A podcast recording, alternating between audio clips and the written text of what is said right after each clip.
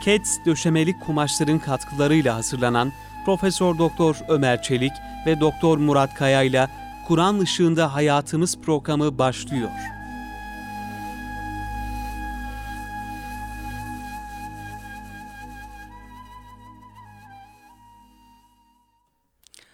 Euzu billahi mineşşeytanirracim. Bismillahirrahmanirrahim. Elhamdülillahi rabbil alamin. Ves salatu vesselamu ala rasulina Muhammedin ve ala alihi ve sahbihi ecmaîn ve bihi nestaîn. Muhterem dinleyenlerimiz, hepinizi Kur'an ışığında hayatımız programından muhabbetle sevgiyle, hürmetle selamlıyoruz. Doktor Murat Kaya ile beraber. Hocam hoş geldiniz. Hoş bulduk hocam. Kıymetli hocam, ahiret safhalarından bu hesap kısmında biraz fazla kaldık. Demek herhalde hesap zor. E, işin nirengi noktası, kilit noktası hesap herhalde öyle gözüküyor. Orasını geçemiyoruz. Evet hocam yani işin en e, sıkıntılı tarafı hüküm verilen yer, yolların ayrıldığı yer. Bununla ilgili Yani. de ayetlerde çok fazla, Evet. rivayetlerde, Efendimizin e, rivayetleri çok fazla. Bu da aynı zamanda onun e, en önemli noktadan birisi olduğunu gösteriyor. Hani Fatiha'da olduğu gibi Maliki Yevmiddin. Evet. Yüce Rabbimiz kendisini din gününün maliki, yegane sahibi olarak bize e, haber veriyor. Din günü de onu müfessirlerimiz eddin el cezau yani yevmul hisabi vel ceza. Yani hesap günü ve ceza günü diye. Demek ki o günün en önemli e, noktası bu hesap ki burada e, üzerinde hassasiyetle duruluyor bu konunun. Orada inceden inceye dünya hayatının bir gözden geçirilmesi, amellerin tartılması ve hesapların görülmesi orası bir püf noktasını teşkil ediyor kıymetli hocam. Öyle gözüküyor. Hazreti Ali Efendimiz'e sormuşlardı. Cenab-ı Hak bu kadar insan, cin, o hayvanların kendi aralarındaki bütün canlılar hesaba çekilecek. Bu kadar e, varlığı nasıl bir anda hesaba çekecek, çekebilecek diye. O da şöyle bir hikmetli cevap vermiş hocam. Cenab-ı Hak nasıl şu anda aynı anda hepsine birden rızık veriyorsa diyor. Hepsine birden de hesaba çekebilir.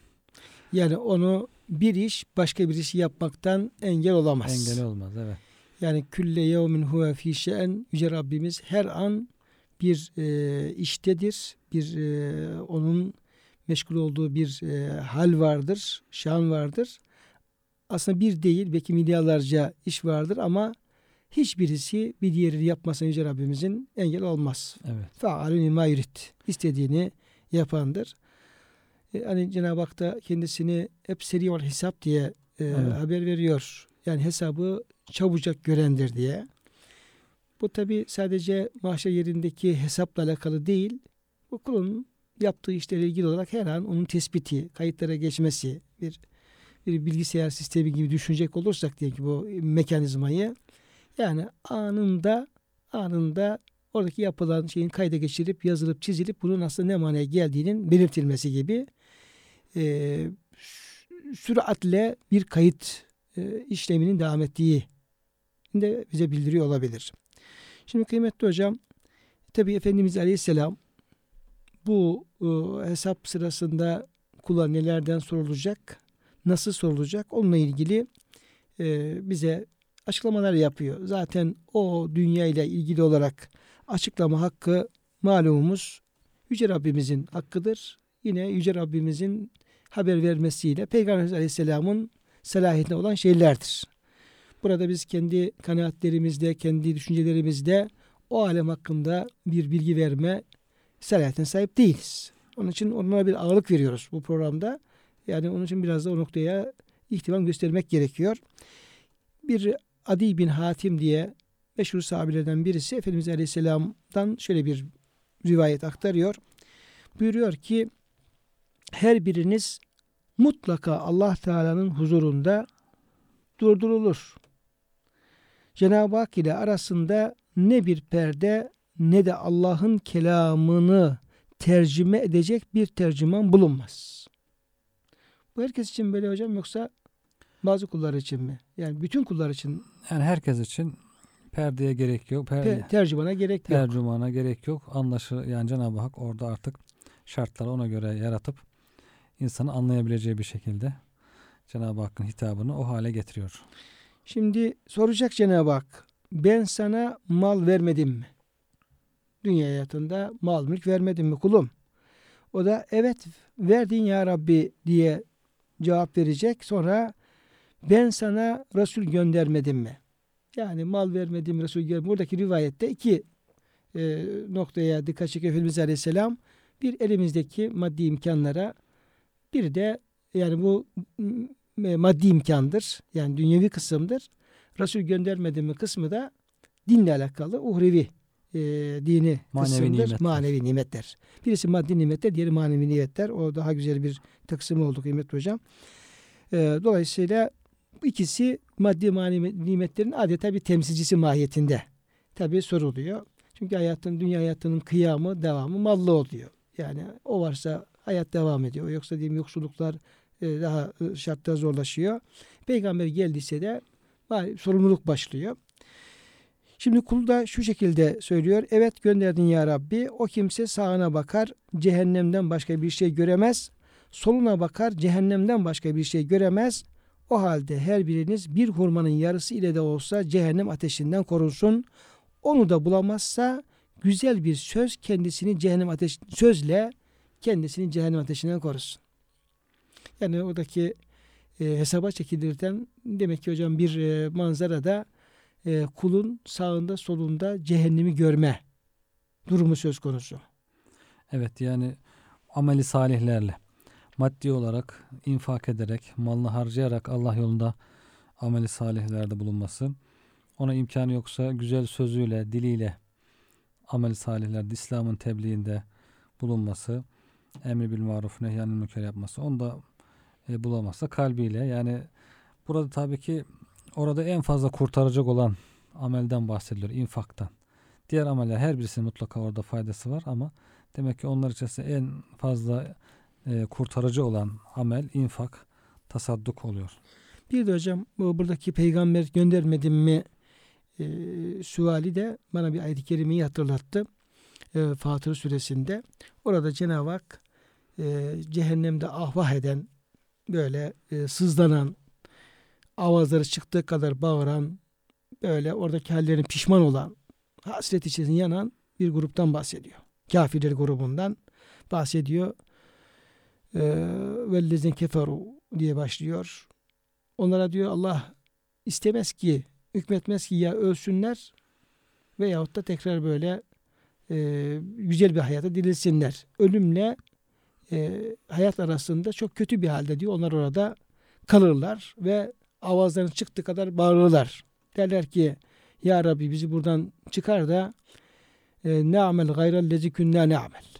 Dünya hayatındayken yapamadığımız, başaramadığımız, beceremediğimiz o güzel işleri, senin razı olduğun işleri yapalım. Ama yeter ki bizi buradan çıkar tekrar oraya gönder. Hayat tarzımızı değiştirelim. Tabii ki her tepeden tırnağa. yani. Önceden yaşadığımız hayatı bırakıp sen istediğin bir hayat tarzı Hocam oraya gitmeye yaşayalım. oraya gitmeye gerek yok aslında. Evet. Dünyada sıkıştığımız zaman aynı şeyleri söylüyoruz. Diyelim ki başımıza bir ameliyat geliyor. Yani o ameliyat masasının yatma durumuyla karşılaşıyoruz. Sonra orada kolumuzu bacağımızı bağlıyorlar. Bir kefen giydiriyorlar. Alıyorlar, yatırıyorlar. Masanın üstüne giderken bütün yakınlarında e, elveda diyorsun, el sallıyorsun. Bakıyorsun orada her şey kayboluyor. Sadece yaratan Allah'tan başka kimse kalmıyor. Kul tabi Allah'a dönüyor. Başlıyor diyor ki Ya Rabbi diyor beni buradan sağ salim çıkarırsan ben diyor Ya Rabbi işte, yemin ediyorum Allah billah Allah yani ne dersen yapacağım. Yani evli olacağım diyorsun. Evli olacağım. Ya ne istersen. Çünkü orada bize Allah'tan başka yardım edecek hiçbir kudretin olmadığını zaten inanıyoruz. Biliyoruz, görüyoruz. Sonra o süreç biraz e, tekrar geri dönüyoruz. Cenab-ı Hak uyandırıyor. Biraz e, bakıyoruz ki elhamdülillah sıhhatimizi bulduk.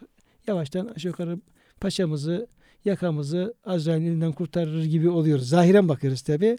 Bu kez o verdiğimiz sözler, vaatler bir anlam ifade etmiyor. Onlar tesirini kaybediyor bizde. Şimdi dünya hayatındaki ufak tefek sıkıntılarda bile bir karnımıza ağrı girdiği zaman, bir gözümüz ağrıdığı zaman, dişimiz ağrıdığı zaman bile Ya Rabbi bizi, beni kurtar da ben iyi kul olayım diye e, söylendiğine göre yarın ahirette cehenneme düşünce bunun hangi şiddette bir e, hasretle e, bu avazların çıktığını tahmin etmek lazım.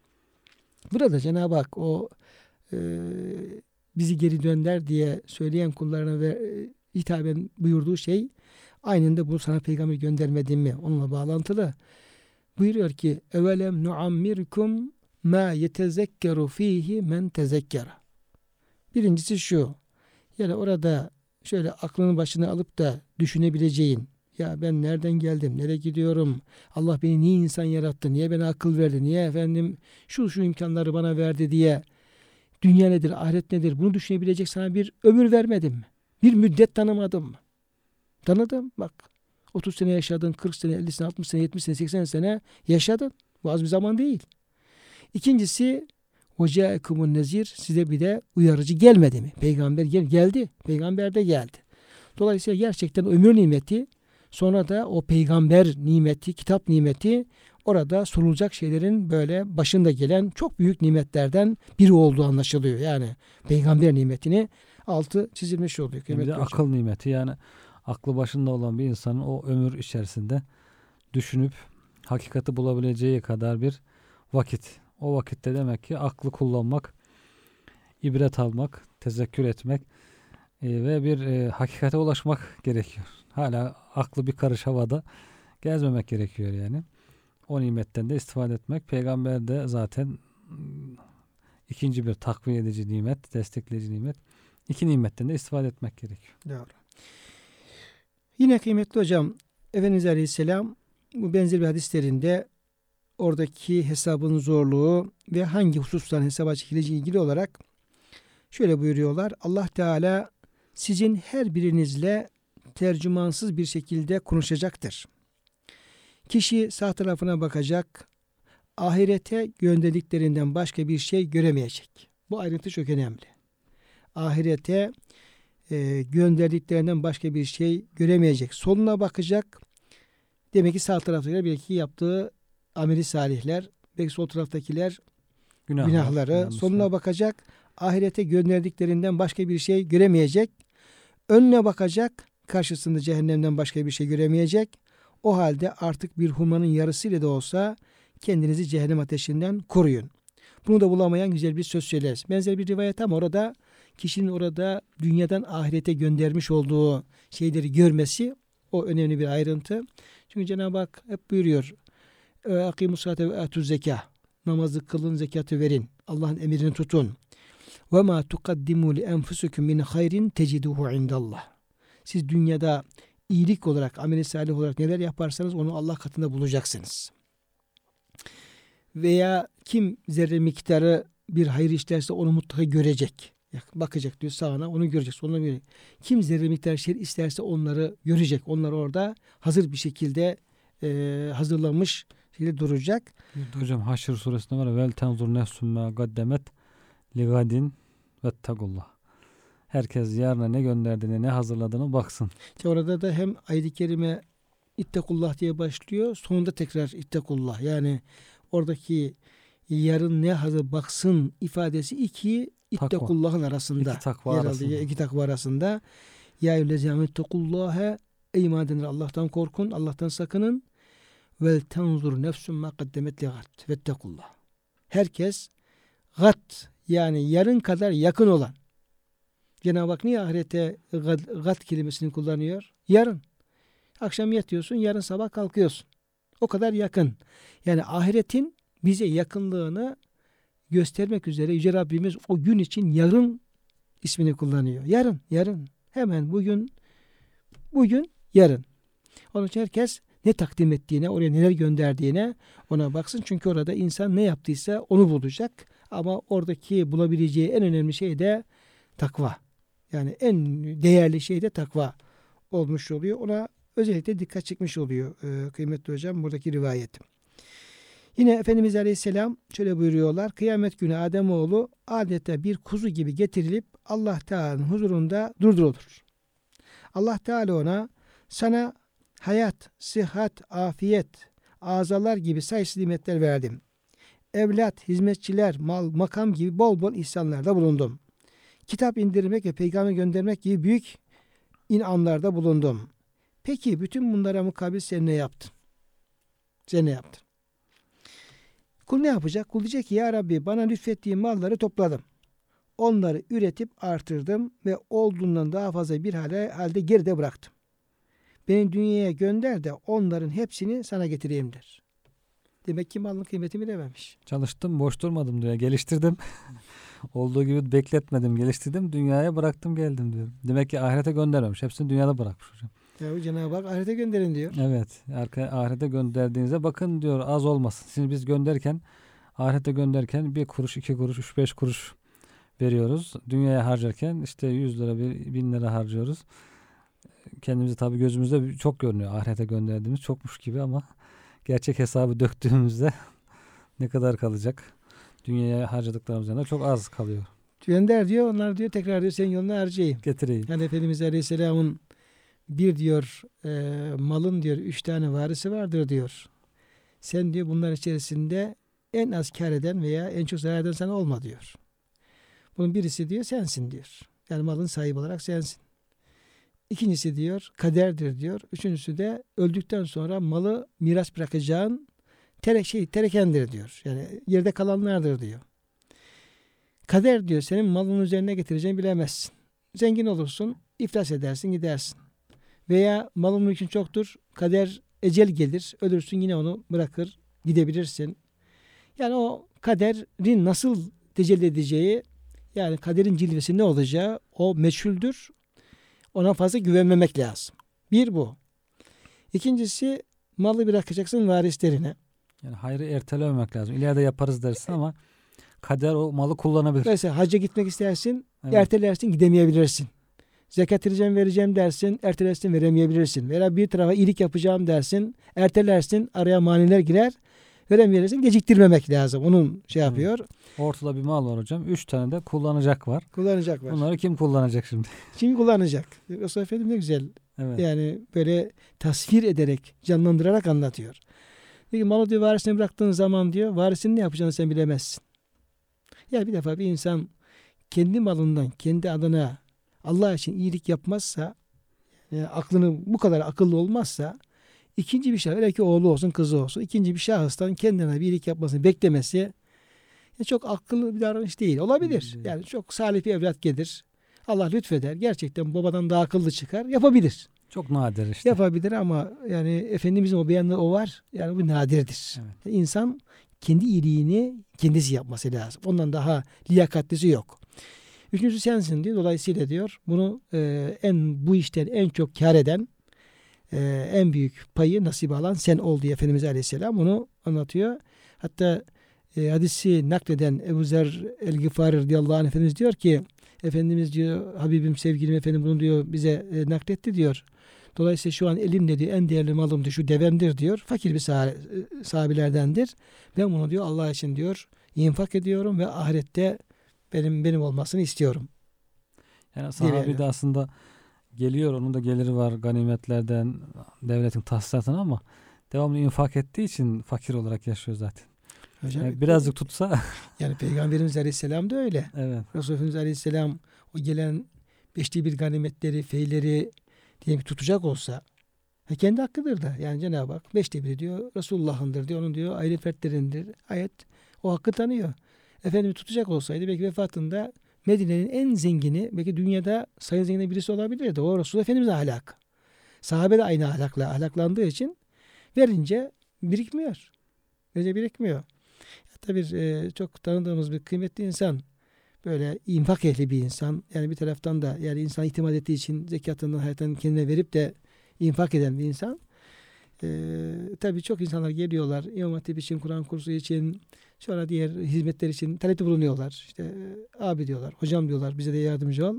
Şu şeyde bulunmuştu. Ya sanıyorlar ki işte efendim Ali, Mehmet, Osman neyse sanıyorlar ki bu e, bu zat gelen bütün paraları biriktiriyor da böyle bir para hazinesi var oradan veriyor. Yani biz ne gelirse Allah ne gönderirse biz onu yerine ulaştırmaya çalışıyoruz diye. Yani Anında. biriktirmiyoruz yani bekletmeden. tabii. Biriktirmiyoruz. Ne gelirse onun e, ihtiyacı olan, e, layık olan yere hemen ulaştırıyoruz. Bu nebevi ahlak böyle, sahabe ahlakı böyle. Böyle yaptığımız zaman zaten birikmez ki. Orada senin başına bela olacak herhangi bir sıkıntı doğabilsin. Olabildiği kadar buna yaklaşmamız lazım. Bizim de buradaki mesajlar o istikamette. Şimdi malla ilgili olarak böyle diyor kul. Diyor ki ya Rabbi benim diyor biriktirdim ettim ama diyor harcayamadan geldim. Gönderdim gerekeni yapayım. Getireyim. Çok beklersin diyeceksin o e, kişiye. Yine Yüce Rabbimiz bana önceden ahirete gönderdiğin salih amelleri göster buyurur. Kul yine Ya Rabbi bana lütfettiğin malları topladım. Onları üretip artırdım. Ve olduğundan daha fazla bir halde geride bıraktım. Ben dünyaya geri gönder de onların hepsini sana getireyim der. Aynı şeyi tekrar eder. Evet. O ahiret için hiçbir salih amel işlememiş bir kuldur ve derhal cehenneme götürülür. Yani mala aldanmış, dünyaya aldanmış bir e, kul. Yani oraya gidip arkadan para istemektense daha gitmeden göndermek lazım. Bazen insan yurt dışına çıkar, yurt dışında parası tükenir. İşte memleketine arar, bana para gönderin diye ona benziyor bu biraz. Gitmeden de yanında götürmek veya önceden hesabına gönderip orada oraya vardığında kullanmak gerekiyor demek. Tabii işte burada hocam çok kıymetli hocamız Kemalettin hocamızın bir latifesini, bir sözünü hatırlıyoruz. O bize tesir ediyor. Umarım ki efendim bu güzel insanların sözleri dinleyenlere tesir edecektir. Hem de o güzel insanlar hayırlı yerdirmiş olacaktır. Allah kendilerine hayırlı uzun ömür versin. Şimdi diyor ki kardeşler diyor sohbetlerinde kardeşler diyor iki türlü diyor banka vardır diyor. Bir şu banka bir de Hak Bankası diyor. Yani bir Dünya Bankası bir de Hak Bankası. Yani o telaffuz ettiği isimler yakın Evet. isimler. Şimdi diyor Dünya Bankası'na da paranı yatırdığın zaman diyor bunun başına geleceğini bilemezsin. Bir de bakarsın ki bir dönem çok yaşadığımız gibi bir bakarsın ki banka iflas etmiş, içi boşaltılmış, para gitti. Ya efendim faiz verseler ayrı bir haram. Vermeseler ayrı bir ceza. Yani para enflasyon olsa ayrı bir zarar. Yani Dünya Bankası'nda paranın başına gelecek her şey yani olabilir. Her her türlü zarar. Öyle söyleyeyim. Ama diyor bir de Hak Bankası Hakkın Bankası var ki diyor. Oraya diyor yatırdığın zaman diyor o bankanın özelliği diyor. Orada hiç kaybolmuyor. Yani orada diyor efendim artıyor. Arttığı zaman da onun da karı da güzel. O da helalinden yani. Evet. Yani Halkbank'a yatırdığın her şeyde sen mahsa faydan var. Mahsa bereket, rahmet. Onun için diyor olabildiği kadar sen biriktiklerini Halk Bankası'na yatıralım kardeşler diyor. Evet. Heh. Ee, burada da hocam böyle bir durum söz konusu. Bir de o hesap sırasında kıymetli hocam böyle çok tabi hep e, sert taraftan gidiyoruz. Tabii rivayetlerde o istikamette. Yani zaman zaman muhterem üstazımızın valideleri dermiş e, Hacı Osman dermiş e, hiç demiş Allah'ın böyle bir rahmet tarafı şefkati yok mu? Yani biraz da oradan bahsetseniz diye böyle Evet. zaman zaman üstad nakit ederler. Şimdi o hesap sırasında hocam böyle bir ilahi rahmet tecellisi olmayacak mı? Cenab-ı Hakk'ın lütfu olmayacak mı? Yani Efendimiz ne buyuruyor onunla ilgili olarak? Evet e, lütuflar Cenab-ı Hakk'ın var e, elbette ama insanoğlu daha çok korkudan, cezadan anladığı için o daha caydırıcı olduğu için o biraz daha önde görünüyor. Yoksa ilahi lütufları anlattıkça da insan bazen gevşiyor, rahatlayabiliyor. Bu sebeple biraz e, korkutucu rivayetler öne çıkıyor hocam. Ayet-i kerimelerde öyle. Cehennemden daha çok bahsediliyor. Cennetten biraz daha az bahsediliyor.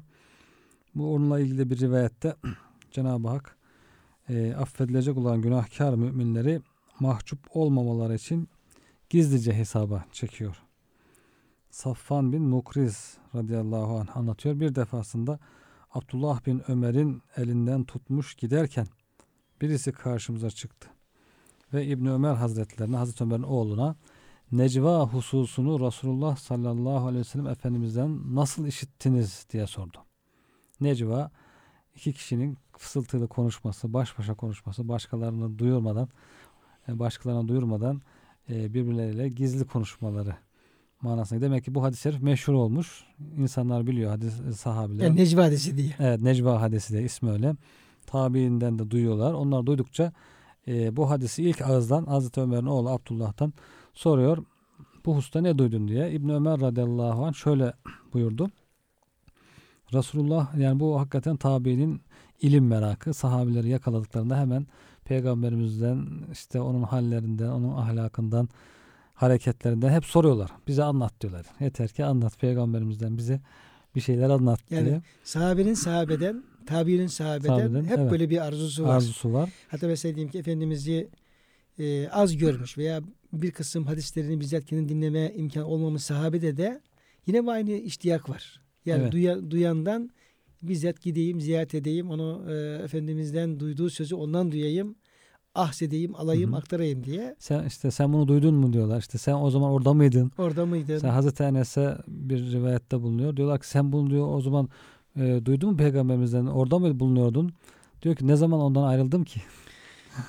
Hep onun yanındaydım zaten. Bir de o rivayetleri okurken kıymetli hocam size e, hadislerle daha çok e, hemhal oluyorsunuz. Allah razı olsun. E, hadisleri okurken bazen işte İbn Ömer Efendimiz veya diğer sahabiler oradaki Efendimizle beraber yaşadığı hadiseyi öyle detaylı anlatıyorlar ki. Mesela bir hicreti anlatıyor veyahut da bir efendim bir gazayı anlatıyor.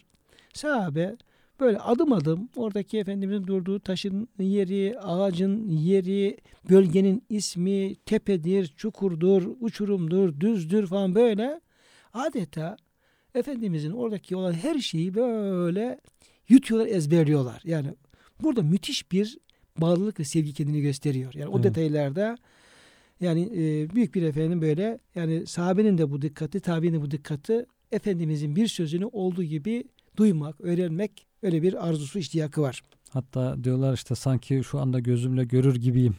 Evet. Olay da gözünde canlanıyor. İşte Hazreti Enes'e diyorlar yine sen peygamberimizden bahsederken sanki olayın içinde yaşıyormuş gibi bir hale giriyorsun. Görür gibi anlatıyorsun diyorlar. Hocam bu noktada ben e, kıymetli dinleyenlerimizle bir şey paylaşmak istiyorum. Gerçekten bizi çok ilgilendiren. Yani bir defa bizler Müslüman olarak yani Allah'ın kulları Peygamber Efendimiz Aleyhisselam'ın e, müminleri onun ümmeti Kur'an-ı Kerim'in hadimi, talibi, talebeleri olarak bir defa Rabbimizle, Kur'an kitabımızda, peygamberimizle aramızdaki bu burudeti kaldırmamız lazım. Yani bu kadar soğukluk, yani. Kur'an-ı Kerim'e karşı bu kadar uzaklık, bu kadar soğukluk. Yani bu bir yani iman sıcaklığına hiç uygun düşmüyor gerçekten. Yani bir ayet okunduğu zaman ya bu ayet neredeydi? Bir süre bahsedildiği zaman ya böyle bir Kur'an'da böyle süre var mıydı? Böyle ayet var mıydı? falan tarzında böyle bir uzaklık hiç böyle yakışık bir şey değil. Ya da Resul Efendimizin diyelim ki bir sözü bir e, olayı, bir hadise şey yapıldığı zaman ya böyle bir şey var mıydı, yok muydu? Bir defa varlığına haberimiz yok bir. Sonra böyle bu çok uzaklık. Halbuki yani öyle bir yakınlık olmalı, öyle bir sıcaklık olmalı ki bir defa Kur'an'daki, Kur'an-ı Kerim'deki o ayetler, olaylar, e, sureler, Efendimiz'in hayatındaki o hadiseler, yani siyer bilgileri, hadisler böyle içimizde böyle o sıcaklığın canlılığını hep korumalı. Yani böyle yabancıymış gibi durmamamız lazım. Ya o yabancılığı kaldırmak lazım. O uzaklığı kaldırmak lazım. Bu çünkü hiç yakışmıyor çünkü. Tam tersine bizzat kafamızın kalbimizin her an 24 saat sanki o dünya o alemde böyle dolaşırcasına civan edercesine bir yakınlığın bir tazeliğin olması gerekiyor. Buna çok ihtiyacımız var hocam. Ve bunun sağlanması lazım. İşte sahabedeki o halin yani olabildiği kadar bize de e, yansıması gerekiyor. Evet. Buna ihtiyacımız var. Efendimiz şöyle e, anlatıyor Necva hadisesini. Muhakkak ki Allah Teala kıyamet günü mümini yaklaştırır. Üzerine perdesini indirerek onu örter. Ve hiç kimsenin görmediği bir vaziyette tek başına hesaba çeker. Yani adeta bir çadır içerisine alır gibi kimsenin görmeyeceği bir şekilde baş başa onu hesaba çeker. Filan günahı biliyor musun? Falan günahı biliyor musun diye sorar. Şu gün şu günah işlemiştin, bugün bu günah işlemiştin. Mümin de evet biliyorum, biliyorum ey Rabbim der. Yani biliyorum yaptım bir defa hata, hatam biliyorum der. Bu şekilde günahlarını ikrar edip günahların çokluğu sebebiyle artık kesinlikle helak olacağına kanaat getirdiği esnada inatçılık yapmıyor. Kafir ise inat ediyor. Yok yaptıydım, yapmadıydım. Mazeret ileri sürmeye çalışıyor ama mümin kabulleniyor. Diyor ki doğru ya Rabbi bir hata işledim. Artık yani hüküm senindir gibi ama günahlar da çok diyor herhalde helak olacağım diye düşünmeye başladığı esnada Cenab-ı Hak onları dünyada gizlemiştim. Bugün de senin için hepsini mağfiret ediyorum. Dünyada gizlemiştim. Seninle benim aramda kalmıştı. Bu burada da onları affediyorum. Hocam burada da şu nokta benim dikkatimi çekiyor. Ya da bu hadis-i şeriften şöyle bir mesaj almaya e, çalışıyorum. Yani kulun günahını gizlemesi. Yani Evet. günah işlemek iyi bir şey değil. Yani imkan olsa hiç günah işlemesek. Fakat yani günahı açıktan işlemek çok daha bir rezillik yani. Veya işledikten sonra açığa vurmak. Sonra istedikten sonra onu aşağı vermek o başka bir rezillik. Evet. Yani tabii işlememek lazım. Olabildiği kadar uzak durmak lazım ama insan işlemişse onu gizli işlemesi veyahut da bir hataya düşmüşse de onu e, ilan etmemesi, başkalarına anlatmaması, onu olabildiği kadar gizli tutması ve Cenab-ı Hakk'a istiğfar etmesi o bir büyük bir edep olarak gözüküyor. Yani kötülüğün yayılmaması açısından bir bir de bu buradan anladığımıza göre bir o günahla ilgili mağfiret kapısı kapatılmış. Kapatabiliyor. Ona oluyor biz adeta. şahitlerimizi artırırsak, Evet. yani o günahı söylemek suretiyle şahitlerimizi artırırsak bu kez de Cenab-ı Hak affetmek ister. Diyelim ki şahitler efendim bunun günahı var dediğin zaman affın da önüne geçme durumu olabilir. Bir de günahların yayılma. Çünkü konuşuldukça insan günah işliyor, onun başkasına konuşuyor. Onu da aslında bir manada teşvik etmiş Teşvik olmuyor. oluyor. Böylece hani Nur suresindeki bu iftira ile ilgili olayda bir e, güzel bir ifade var. Ayet-i kerimede innellezine yuhibbune en teşi'al fahişetu fillezine amen. Yani bir grup var ki bu çirkin işlerin, günahların Müslümanlar arasında yayılmasını istiyorlar. Şuyu bulması. Yani şuyu bulmasını Meşhur istiyorlar. söz var tabii. hocam. Şuyu vukuundan beterdir. Evet. diye. Yani, Yani şu o- tabii. Meydana gelmiş bir olay ama onun yayılması o meydana ya- yapılmasından daha, Daha kötü. daha kötü. Şimdi yayıldıkça, duyuldukça onlar adeta e, o işin ehli olacak insanlara bir teşvik mahiyeti taşımış oluyor. Onun için bu yani reklamlar, televi- filmler, şunlar buna günahın reklamının yapıldığı yahut da günahın yayılmasına e, zemin ve vesile teşkil eden her şey aslında bu bağlamda denilmek lazım. Evet. Onun için e, işlememek lazım. Ama hiç olmazsa gizlemek lazım. Konuşmamak lazım. Yayılmasını engellemek lazım. O şekilde o yer, o e, bataklığın, o günah bataklığının e, derinleşmesine değil, yavaş yavaş kurulmasına yardımcı olmak lazım. Burada adeta hocam o şekilde kulun günahını gizli tutması noktasında da bir şey var. Evet. E, Teşvik işaret, var. teşvik var. Kulun günahlarını mağfiret ettim buyuruyor Cenab-ı Hak ve mümine hasenat defteri verilir. Demek günah defteri iptal ediliyor, siliniyor. Hasenat defteri veriliyor. Buna mukabil ki kafirlere ve münafıklara gelince onlar hakkında herkesin içinde şahitler işte bunlar Rablerine karşı yalan söyleyenlerdir derler. Mümin gizli bir hesaba çekilirken kafirler ve münafıklar için aleni herkesin içerisinde bunları teşhir ederek, onları mahcup ederek işte bunlar Rablerine karşı yalan söyleyenlerdir derler. Bilin ki Allah'ın laneti zalimlerin üzerinedir. Bu ifade aynı zamanda Hud suresi 18. ayet-i kerimede geçiyor. İşte bunlar Rablerine karşı yalan söyleyenlerdir. Bilin ki Allah'ın laneti zalimlerin üzerinedir. Burada kıymetli hocam e, tabii ki bir mümin için bir müjde. Yani hesap e, sırasında mümin için bir müjde var. Yani dünyada bile insan e, bir suçundan dolayı birisi beynen nas insanların önünde bizi çağırsa, bizi çağırsa onların huzurunda ayıbını söylese, kusurunu söylese, onların huzurunda hesaba çekecek olsa insan ne kadar mahcup oluyor, ne kadar e, zor hallere, perişan hallere düşebiliyor ki dünyanın rezaleti, dünyanın mahcubiyeti, ahiret yanı ne anlam ifade eder? Şimdi orada da bir e, ala hani ve la tuhsini yevmel kıyameh ya Rabbi bizi kıyamet günü mahşer halkının rezil rüsva etme diye ayet-i kerimeler var. Demek ki orada böyle bu tarz bir hesap herkes için geçerli bir hesap değil. Yani orada e, mahşer halkının önünde rezil rüsva olacaklar da var. Perişan olacaklar da var. İşte ama Cenab-ı Hakk'ın lütfuyla özel böyle bir muamele olacak insanlar da var. Bu belki herkes için geçerli olmayabilir. Onun için orada o rezillikten de çekinmek lazım. Evet.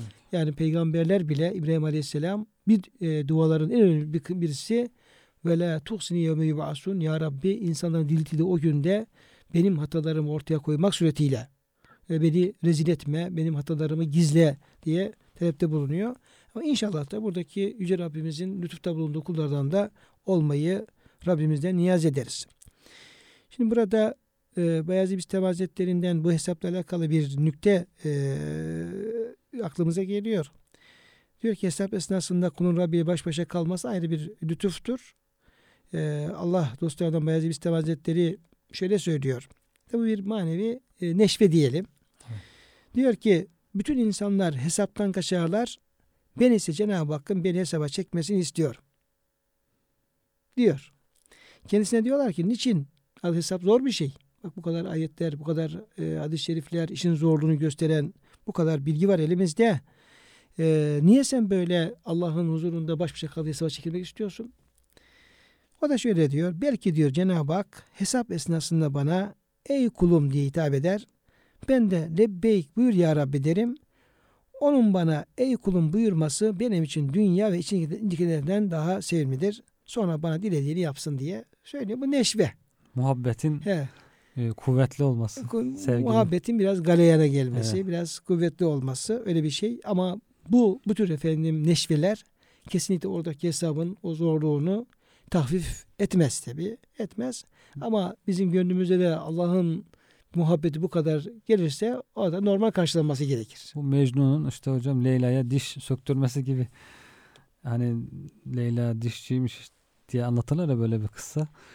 Mecnun da gidiyor diyor dişçi olarak. Hangi dişini ağrıyor? Şu dişim. Onu söktü. Şu dişim de ağrıyor. Bütün 32 dişini de çektiriyor ki hani çok daha e, yakın olayım, beraberliğim çok olsun şeklinde düşünerek kendisini feda ederek bu da öyle bir yani hesap zor ama o hesabın zorluğu da olsa Cenab-ı Hakk'ın huzurunda olmak onun ey kulum hitabına mazhar olmak sonra e, buyur ya Rabbi demek bunların şeyiyle neşvesiyle İşte Mecnun hocam tabi Mecnun halleri farklı farklı. evet Yani yine e, Mecnun Leyla'nın köyüne girmek istiyor. E, geliyor, geliyor köyün kapısına içeri girecek. Sevgilisinin işte köyünde do- sokaktan dolaşacak. Belki bir ihtimal göre, görecek, görmek istiyor. Kapıya var sen kimsin? Diyorlar ki ben Mecnun'um. Almıyorlar içeri. Seni diyor bu köye sok- sokmayız. Oradaki e, köyün yiğitleri yiğitleri seni diyorlar bu köye sokmayız diyorlar. Hem bizden bir kıza talip olacaksın hem gelip burada kolun bacağını sallayarak dolaşacaksın. Böyle baba yoğurdu yok diyorlar tabiri caizse. Sokmayız diyorlar. Tam orada bir ağacın altında perişan bir halde böyle mahzun beklerken e, bir başka bir e, eşkıya grubu e, onlar efendim geliyorlar diyorlar ki ya burada bir gariban oturuyor. Bunun bir derdini soralım da ne yapmak istiyor, ne etmek istiyor onu, ona göre yardımcı olalım. Normalde buna eşkıyalar yani. Yan kesici, yan kesici. Diyorlar ki sen kimsin? Ben Mecnun'um. Ne oldu diyorlar. Böyle niye üzünlüsün? Sormayın diyor. Ya konuş bakalım. Diyor ki ben böyle sevgilim var burada. Girmek istiyorum. Şu haydutlar, şeyin, yiğitleri beni sokmak istemiyorlar. "Aa, Olur mu falan diyorlar. Siz bana bana onlar, bize onları göster de görsünler günlerini falan. Böylece bir darptır, harptır başlıyor köyün yiğitleriyle o eşkıya arasında adamlar uğraştı uğraşıyorlar bir türlü yenemiyorlar şeyi. Yani oradaki yiğitleri yenemiyorlar diyorlar ki ya biz bugüne kadar böyle karşımıza çıkıp da bize dayanacak bir güç görmedik. Vurduk mu düşürürdük işte falan şöyle böyle yapardık ama buna bir hikmet var ya. Bu efendim bir türlü buna yenemiyoruz. Köye giremiyoruz. Seni köye sokamıyoruz. Sonra bakmışlar Mecnun böyle dilinden bir şey böyle sessiz sedasız cümleler dökülüyor. Ne sen ne konuşuyorsun? Mecnun dua ediyormuş. Ya Rabbi benim Leyla'mın köyünün yiğitlerini bu eşkıyalara mağlup getirme. Galip getir diye dua ediyor. Şimdi, şimdi onun için böyle e, Mecnunların değişik hocam halleri olabilir. E, onun için biz esas yine o hesabın şiddetini azabının şeyinde efendim e, göz önünden uzak tutmayalım. tutmamak lazım. Yani evet. Öyle derin muhabbetler her herkesin kaldırabilecek kaldıracağı şeyler. şeyler değil hocam. Ateş İbrahimleri tanır diyor hocam. Evet. Ateşe kendini atma diyor. İbrahim Aleyhisselam yakmadı ben de yakmaz diye. Ateş İbrahim'i tanır senin tanımayabilir. Seni yakar. Evet. Cenab-ı Hak e, o yolculukta hepimize yardımcı olsun inşallah. Hesabımızı kolay getirsin. Bir de yine Efendimiz Aleyhisselam'ın e, burada neler sorulacak? Gerçi bunu Şibli e, Hazretleri ilgili olarak anlatılıyor. E, Şibli Hazretleri gidiyor bir mescide. Bakıyor bir vaizin birisi çıkmış kürsüye böyle bizim gibi bu hesaptan konuşuyor e, kıymetli hocam. İşte ayetler, hadisler falan böyle. O da demek ki konu buymuş. Başlamış sayıyor. Diyor ki Allah diyor sana diyor bundan soracak işte ömründen, malından, mülkünden, sağdan, soldan böyle o sorulacak nesneleri teker teker böyle uzun uzadıya listeleyip devam ediyor. Şimdi Hazretleri biraz herhalde çok e, bu tatvilden yani uzatmadan dolayı da biraz canda sıkılıyor. Vaizin kulağına eğiliyor. Diyor ki ya vaiz efendi biraz fazla uzattın diyor. Cenab-ı Hak soracak. Diyecek ki kulum Tabii hepsi doğru bunların. Bunların hepsi doğru. Doğru ama diyecek ki kulum ben seninle beraberdim. Peki sen kiminle beraberdin? Esas diyor sorunun diyor aslı burada olacak falan diye. Diğer bütün soruları içine alıyor. Ha tabii alıyor zaten. Ya kısa ama bütün e, diğer sualleri de içine almış oluyor.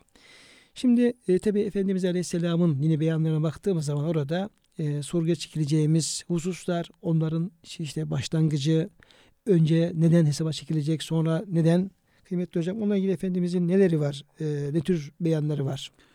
İbadetler açısından bakıldığında hocam ilk olarak Efendimiz kıyamet günü kulun hesaba çekileceği ilk amel namazdır buyuruyor.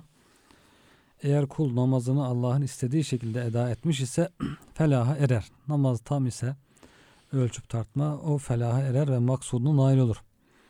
Namazlarını eda etmemiş veya gafletle kılmışsa kaybeder ve hüsrana uğrar.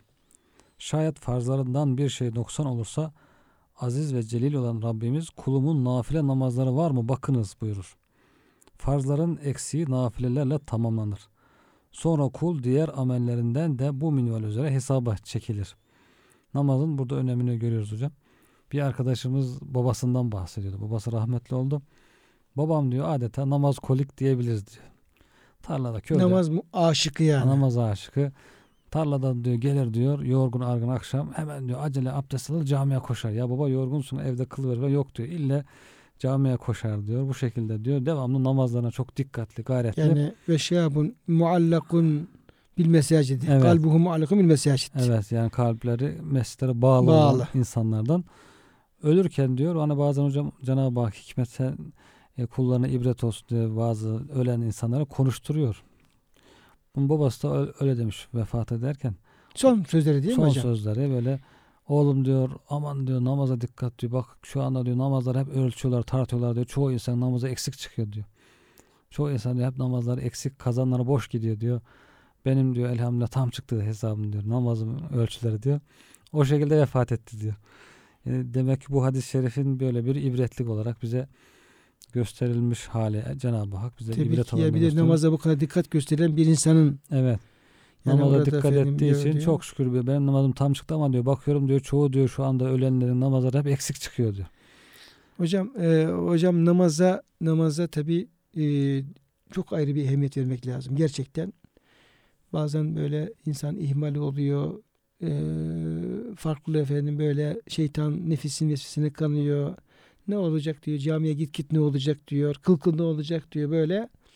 Burada e, Akademici Rabbimizin bu namaz konusundaki talimatları yani kaç yerde namazdan namazı kılınız diye zeketle beraber emrediliyor e, cemaatli namazla ilgili Efendimiz Aleyhisselam'ın tatbikatı, sahabenin tatbikatı ne kadar önemli ve bu hadis-i şerifteki de hemen hesabın ilk defa namazdan şey yapılması. Bir de hocam bu nafile namazla ilgili de yine böyle insanlarda e, yine şeytanın vesveselerin verdiği böyle bir ihmalkarlık oluyor. Bakıyoruz hemen farzdan başlayalım. Ya nafile aman sünnet falan tarzında bir gevşeklik de arız oluyor. Halbuki onlar hem farzları pekiştiren bir özellik kazandırıyor. Hem kulun e, Allah'a yani ibadet aşkını izhar ediyor o nafile namazlar. Bir de o nafile namazlar adeta o şeyden farzdan tamamlayıcısı oluyor. Burada Efendimiz Aleyhisselam bakın diyor kulun diyor nafileleri varsa diyor farzların eksikliğini. Diyelim ki adam nafilesini çok dikkatli kılmıştır. Farzı ihmal etmiştir. Veya abdestinde bir problem vardır. Orada o kıldığı namazda bunun tamamlanması büyük bir rahmet. Evet. Yani burada farzlara beraber nafile ibadetlere de apayrı bir teşviğin olduğunu e, görmüş oluyoruz. Elimizden geldiği kadar farzıyla, nafilesiyle bu ibadetlerin hepsine devam etmemiz lazım. Diyor ki bir kulun diyor, bu tabi alimlerimizin tespiti, tasavvuflarımızın bir kulun diyor e, manevi derecesi arttıkça, ahlakı kemalle e, erdikçe ve e, tasavvufi anlamda bir e, kalbi terakki gerçekleştikçe o, kişinin diyor kalbinde diyor e, şunlar çok sevimli hale gelir. Buna yönelir. Bunun birincisi Kur'an tilavet ediyor. Yani Kur'an tilavetinden apayrı zevk alır ve onu daha çok okumayı arzu eder. İçinde böyle bir arzu oluşur. Namaz onun için diyor çok apayrı diyor bir e, mana kazanır. Yani farzıyla, cemaatiyle, nafile namazlarıyla diyor böyle. Yani içinden ya bir efendim fırsat bulur namaz kılayım, namaz kılayım, namaz. Yani bu arzu doğar insanın gönlünde diyor. sevgiliyle buluşma anı. Tabii ki yani o eğer, eğer Rabbini seviyorsa, peygamberini seviyorsa, oradaki efendim namazda okuduğu, okuduğu dualarda hep o şeyi de hatırlatıyor insana, onu arz eder. Bir de istiğfar şeyi artar diyor o insanda. Yani o e, namazlara olan şevkimiz de bizim aynı zamanda manevi durumumuzun da bir göstergesi, bir e, alameti durumunda olmuş oluyor. Kıymetli hocam yavaştan da sonuna geliyoruz. Bir noktaya da temas edelim. Kulakları içinde önce demek ki Allah ile e, münasebetlerimizde namazın önceliği var hesapta, evet. ibadetlerde. Kulakları içinde ise ilk olarak haksız yere akıtılan kanların hesabı sorulacak. Cana Evet. kıymak. Evet. Allah muhafaza eylesin. Efendimiz Aleyhisselam şöyle buyuruyorlar. Kıyamet günü insanlar arasında ilk görülecek dava kan dökmekle ilgili olanlardır. Buhari ve Müslim'de geçen rivayet. Böyle kimsenin malına canına da efendim kastetmekten Allah bizi muhafaza eylesin. Tabi hocam çok büyük fitneler oluyor. O fitnelerde efendim can e, can kayıpları oluyor. Ölümler şunlar bunlar oluyor. Veya e, kan davaları oluyor. Bakıyorsun bir kişi bir kabileden birisi ölüyor. Diğeri efendim ondan iki üç kişiyi öldürüyor. Uzun süre efendim bunlar devam ediyor. Dolayısıyla bunlar çok büyük mesuliyeti celbediyor Cenab-ı Hak. Aman diyor haksız yere diyor bir cana kıymayın diye ayet-i kerimeler böyle peş peşe geliyor. Cenab-ı Hak o e, büyük günün hesabından korkarak dünya hayatında dikkatli bir hayat yaşamayı bize lütfeylesin inşallah. Amin. Kıymetli dinleyenlerimiz e, bugünkü programın sonuna gelmişken hepinize Allah'a emanet ediyoruz. Hepinize hayırlı günler diliyoruz. Hürmetler, muhabbet arz ediyoruz. E, Allah'a emanet olunuz efendim.